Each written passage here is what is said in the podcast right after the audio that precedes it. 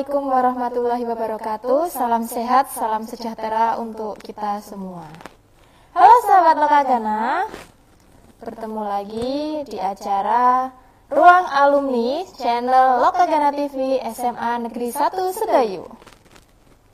Pada sesi kali ini, kita akan menghadir, menghadirkan alumni-alumni yang masih muda, masih fresh, bisa dikatakan alumni kemarin sore eh, yang akan berbagi pengalaman kepada kita semuanya, terutama pengalaman untuk siswa-siswa di SMA Negeri 1 Sedayu. Langsung saja kita sapa siapa dia? Halo Mbak. Halo Mbak Dina. Kira-kira ada yang kenal nggak dengan Mbaknya? Kalau belum, langsung saja kita kenalan. Silahkan Mbak memperkenalkan diri, alumni tahun berapa, dan mahas untuk mahasiswa sekarang mahasiswa di mana? Oke, perkenalkan, uh, nama saya Indian Budi Hanindra-Suari. Saya alumni tahun 2020, sekarang menjadi mahasiswa di Poltekkes Kemenkes Yogyakarta. Nah, gimana? Ada yang sudah kenal sekarang? Mungkin, oh itu loh kakak kelas saya, oh itu loh adik kelas saya. nah, langsung saja sebelum berbicara lebih jauh, kira-kira uh, kita flashback dulu di masa sekolah ya. Dulu di SMA Negeri 1 Sedayu ini kelas apa? Dulu kelas IPA 1. IPA 1. Iya. Kemudian uh, ikut organisasi apa? Dulu ikut organisasinya banyak ya ke, karena dulu pengennya cari temen yang banyak nggak cuma di kelas IPA 1 doang jadi pengen ikut MPK, ikut Dewan Ambalan, ikut Rohis, dulu juga ekstrakurikulernya Hadro. Oh, ternyata aktif ya, termasuk siswa yang aktif ya ketika itu. Nah, untuk prestasi yang diraih, pernah men, uh, meraih prestasi apa? Dulu pernah pres, dapat prestasi juara lomba, juara tiga lomba nasyid satu kabupaten Bantul bersama teman-teman yang lain juga ada Mbak Anissa Katayana juga. dan dulu itu awalnya sedikit cerita ya Mbak ya. Uh, karena ikut Adro juga terus waktu ada lomba nasyid diajak temen buat ikut bergabung. dan nggak nyangka juga pas uh, waktu sekecamatan ikut lomba itu ternyata juara satu akhirnya lanjut ke tingkat kabupaten dan latihan-latihan terus akhirnya dapat juara tiga. Nah, untuk apa yang kira-kira uh, yang membuat Mbak berkesan di sini? Kesan saya sekolah di SMA ini banyak banget momen yang nggak nggak bisa saya lupakan karena uh, dulu juga aktif organisasi itu kegiatannya banyak apalagi Dewan Ambalan ya karena pramuka biasa dibilang anak kokonat gitu. Terus dulu ikut Patapa Wiradaya karena jalan jauh itu sampai rela nggak mandi tiga hari karena kalau mandi itu antrinya banyak banget terus dibetah-betahin sampai rumah dibully satu rumah itu karena wah bau ini nggak belum mandi berapa hari gitu. Terus uh, ada lagi di Rohis gitu. Di Rohis uh, dulu pernah juga jadi MC gitu karena saya juga suka ikut uh, gitu uh, untuk meningkatkan rasa percaya diri juga karena suka nyanyi-nyanyi gitu akhirnya bakatnya dapat tersalurkan gitu. ya. terus alasan alasan atau apa yang memotivasi kamu sehingga kamu bisa memilih SMA Negeri 1 Sedayu ini apa karena dekat atau ada uh, seseorang yang hmm, ya ya dulu kenapa di SMA Sedayu karena ya itu tadi dekat ya alhamdulillah dekat dari rumah kurang lebih satu kilo gitu. Karena dulu SMP-nya juga udah jauh di Gampeng akhirnya wah oh, cari capek. suasana ya. iya. cari suasana baru. Capek ada yang deket aja lah gitu. Terus uh, ternyata di SMA ini juga banyak prestasinya yang pernah diraih karena dulu mas mas saya juga sekolah di sini dia mantan ketua rohis. Dia sering diajak guru-guru buat ke acara event-event juga gitu wah kayaknya seru juga akhirnya ikut di SMA juga nggak jadi itu pelajar pendiam gitu jadi pengennya pengen harus- aktif iya, lah, harus gerak harus pokoknya iya. seperti itu ya. Eh, Nah, itu tadi kan sedikit cerita tentang kisah kisah kasih di sekolah. Kira-kira kemarin ada nggak yang membuat apa ya, yang membuat lebih spesial nggak di sini? Eh, yang namanya anak SMA ya gitu, ABG lah ya. Iya, Pasti ada lah muda. lirik-lirik sana sini, lirik sana sini. Siapa tuh? Kakak kelas tuh, adik kelas tuh. iya bener eh, pengen itu tadi pengen narsis sana sini gitu pak dulu banyak sih yang suka sama ini suka sama itu tapi ya berujung di PHP-in ya karena ah, cinta monyet masihan gitu mah Iya. Terus sekarang eh, setelah tadi cerita masa-masa SMA yang katanya terlalu indah untuk dilupakan. Dan sekarang sudah menjadi seorang mahasiswa di PTN ya. iya Nah, menjadi seorang mahasiswa di PTN. Kenapa? Pengen kok aku pengen kuliah ya? Punya motivasi apa kamu pengen kuliah? oh iya yang pertama karena lulusan SMA gitu ya kalau mau cari kerja kan juga Kerja susah apa? iya Nggak gitu punya passion Iya, di situ. Hmm, Nggak dulu- punya keterampilan. dulu sih sempat ada kepikiran masuk SMK tapi karena ibu juga nggak ngebolehin gitu anaknya harus kuliah nantinya ya jadinya harus mau nggak mau juga harus kuliah gitu ya terus em, sebenarnya aku tuh tipe orangnya sukanya kerja gitu nggak nggak nggak kebanyakan belajar. Teori. iya teori itu apalagi bikin pusing kan yang ada gitu. Karena kebanyakan teori itu nggak sesuai sama waktu di lapangannya gitu. Jadi aku milih di Poltekkes Kemenkes Yogyakarta. Itu suatu politeknik di bidang kesehatan di bawah Kementerian Kesehatan Yogyakarta. Yang di situ eh, banyak ada diploma ada sarjana terapan. Dan di situ fashionnya itu nanti lulusannya langsung kerja gitu jadi nggak nggak emang belajarnya juga nggak kebanyakan teori seperti itu Terus eh, masuk ke PTN Poltekkes Jogja. Iya. Itu melalui jalur apa kemarin? aku kemarin alhamdulillah seleksi jalur PMDP atau jalur rapat atau jalur prestasi Ada berapa jalur di sana? ada tiga untuk eh, reguler atau jalur jalur uji tes sama jalur jalur rapat itu tadi dan jalur mandiri untuk alih jenjang ke sarjana terapan Nah, itu perbedaannya apa di situ?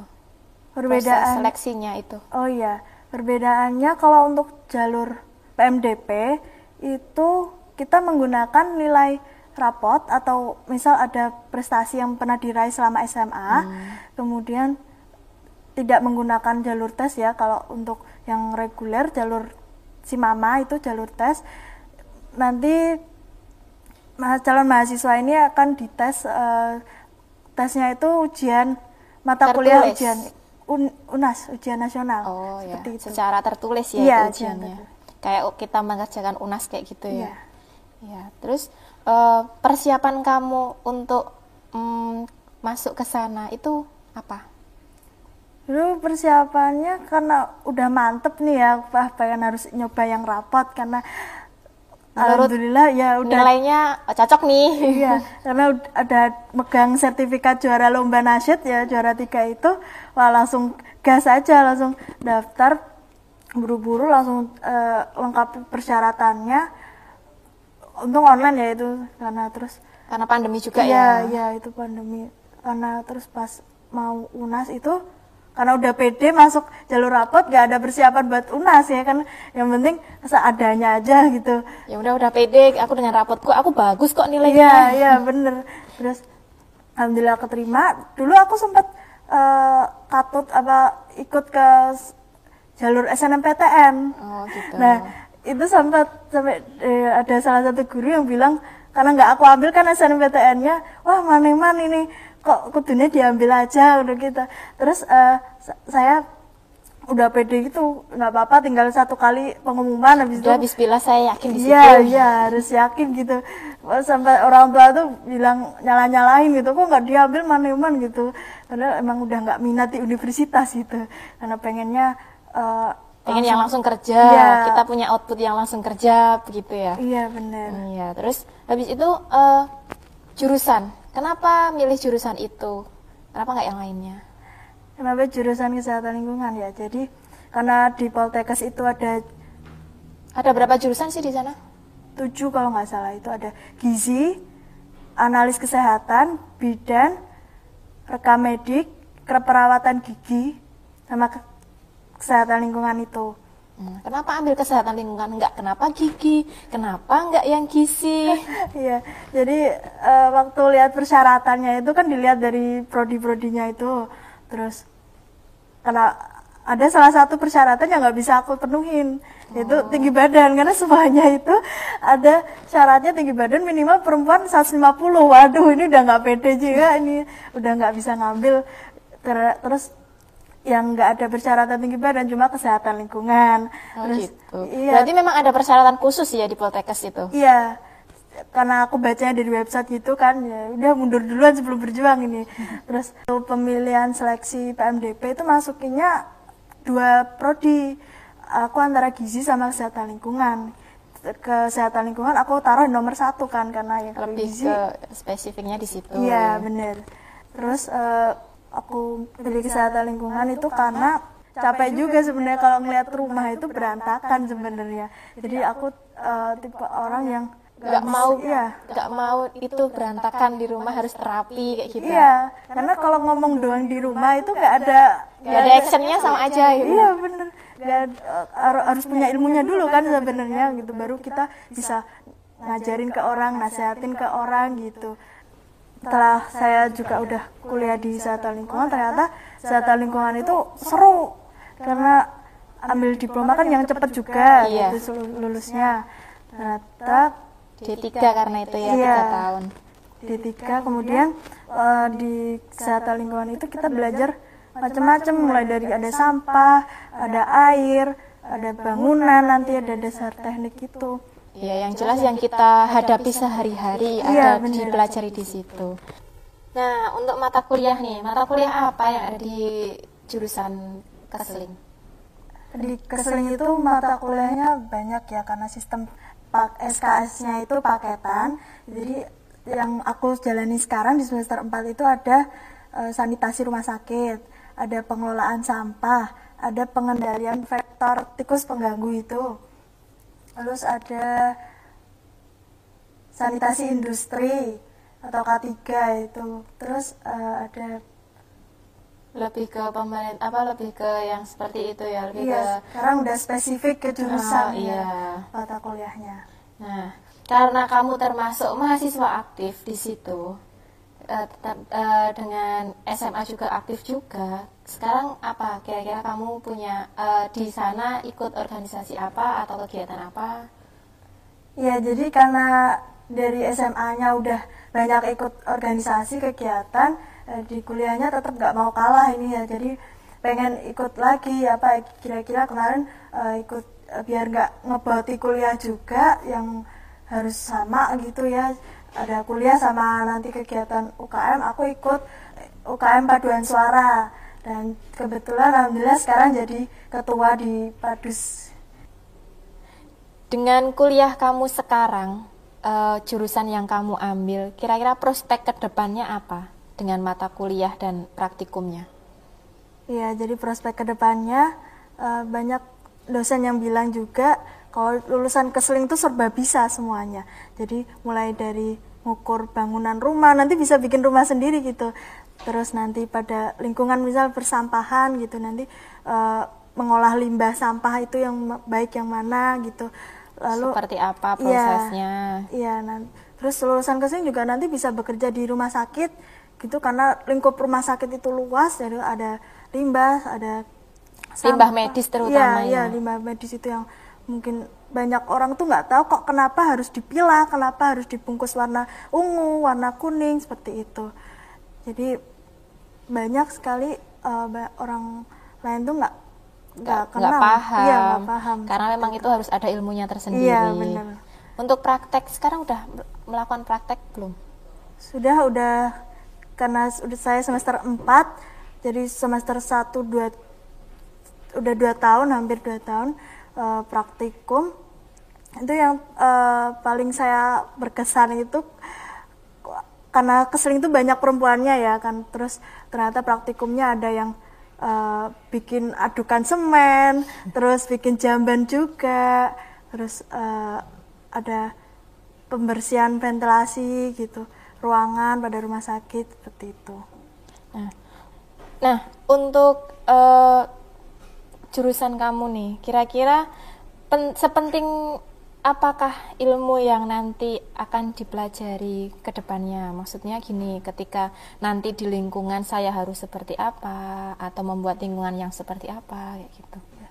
Ya, jadi uh, kesehatan lingkungan ini penting ya nanti bisa melakukan penyuluhan kepada masyarakat gitu menghimbau pada masyarakat mengajak untuk uh, berperilaku hidup sehat karena tidak semua so, banyak sekarang uh, masyarakat itu abai sama lingkungan gitu. Misal ada sampah di jalan gitu dia nggak nggak mau ngambil. iya ada malah buang di kali di sungai gitu. Yang bikin nanti sungai itu tercemar. Nanti kalau sungainya dibuat nyuci atau dimasak gitu kan bisa menimbulkan penyakit gitu. Jadi kalau e, masyarakat itu berperilakunya kotor tidak sehat nanti nantinya juga akan balik lagi ke masyarakat itu sendiri kan nanti bisa berdampak sakit mungkin nanti timbul kematian. Kesehatannya ya, lebih ke kesehatannya. Ya. nah setelah uh, selama ini berapa ya? Empat semester ya? Iya udah empat semester di situ. Kira-kira uh, pernah nggak kamu berpikir aku pengen nih nanti di lingkunganku mau seperti ini. Aku pengen nih nanti jadi orang yang seperti ini di lingkungan di lingkungan yang kayak gitu memberikan contoh ya sebenarnya pengen punya karena ibu juga ikut posyandu di rumah gitu sekalian pengen uh, memberikan mantau, sosialisasi. Ya, memberikan sosialisasi. Sebelumnya kita lakukan observasi dulu bagaimana ibu dan balita itu menjaga kebersihan. Misal anaknya kok bisa sampai diare itu gimana. Lalu uh, mungkin ada gizi anaknya juga. Sebenarnya uh, perilaku hidup sehat masyarakat itu tidak cuma pada lingkungan, maksudnya pada pola makannya dijaga, mungkin ke pencucian piringnya. Lebih ke kebersihan iya, lebih ke kebersihannya. Nah untuk harapannya ke depan nih harapan kamu ke depan seperti apa? Ya, harapan ke depannya karena Indonesia ini termasuk kesehatannya itu masih kurang, masih apa? Kepedulian, ya, kepedulian masyarakatnya masih minim ya. Iya, apalagi di tempat-tempat terpencil gitu. Uh, yang masih serba keterbatasan. Iya benar, apalagi pengetahuan itu sendiri dari masyarakatnya masih kurang. saya ingin nantinya punya berperan aktif di situ. Iya berperan aktif, uh, bisa mengajak pada masyarakat buat, ayo Kita hidup, hidup sehat, sehat, buat mengurangi angka kesakitan di Indonesia. Dan kematian juga. Iya benar.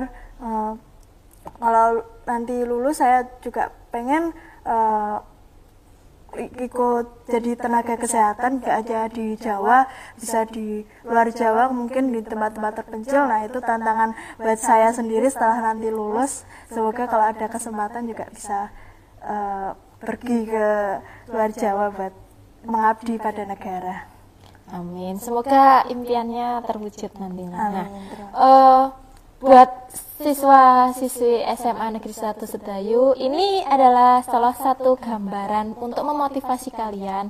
Uh, nggak harus apa ya kita kuliah ya nggak harus harus kedokteran atau ini itu yang kira-kira dianya baik juga. Tapi ya syukur kalau memang bisa memberikan contoh buat teman-teman yang lainnya punya motivasi yang lebih tinggi hal yang seperti ini dari lingkungan bisa kita menjadikan motivasi. Biar lo lingkunganku sehat biar lo lingkunganku yang bersih kayak gitu. Terus eh, saran dan kesan pesan untuk alumni sama adik-adik ini apa nih?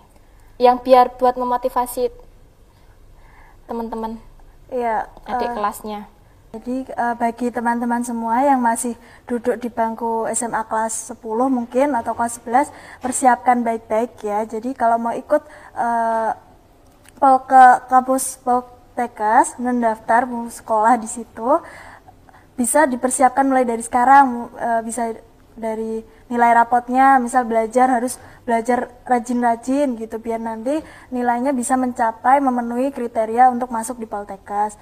Uh, kalau untuk teman-teman yang kelas 12 masih bisa nanti uh, pakai jalur rapot juga uh, atau enggak yang punya prestasi nih juara lomba-lomba gitu bisa ikut jalur PMDP atau nanti jalur tes lewat si mama. Terus buat teman-teman yang mungkin nggak pede kalau uh, nilai rapotnya mungkin masih jauh di bawah, jangan patah semangat, tetap harus uh, terus berusaha. Masih karena, ada kesempatan ya, ya. masih ada jalur-jalur lain buat masuk ke Poltekkes atau universitas lainnya gitu. Uh, nggak sulit kalau kalau kita mau berusaha gitu ya kalau usaha tanpa doa harus disimbangi dengan usaha dan doa. Kalau usaha tanpa doa itu adalah sombong kalau doa tanpa usaha, usaha itu tidak ada artinya juga sama aja. Nah, gimana sahabat Lokagena menarik kan perbincangan kita hari ini dan ternyata kita sudah di penghujung acara untuk ruang alumni kali ini. Terima kasih Mbak Dia sudah menyempatkan waktu dan mau bergabung di acara ruang alumni SMA ya. Negeri 1 Sedayu ini dan banyak sekali informasi yang apa ya mm, memberikan gambaran untuk saya dan teman-teman sahabat Lokagana nih. Yeah. Nah, terima kasih sudah berbagi cerita bersama kami. Banyak yang kami bisa ambil dari situ, dari kisah perjalanannya semasa SMA dan juga ketika kuliah ini. Saya selaku pembawa acara pada hari ini eh, mohon maaf apabila ada kesalahan selama saya memandu acara. Tapi sebelum itu jangan lupa subscribe channel YouTube Lokagana TV, like, share, dan komen. Wassalamualaikum warahmatullahi wabarakatuh. Waalaikumsalam.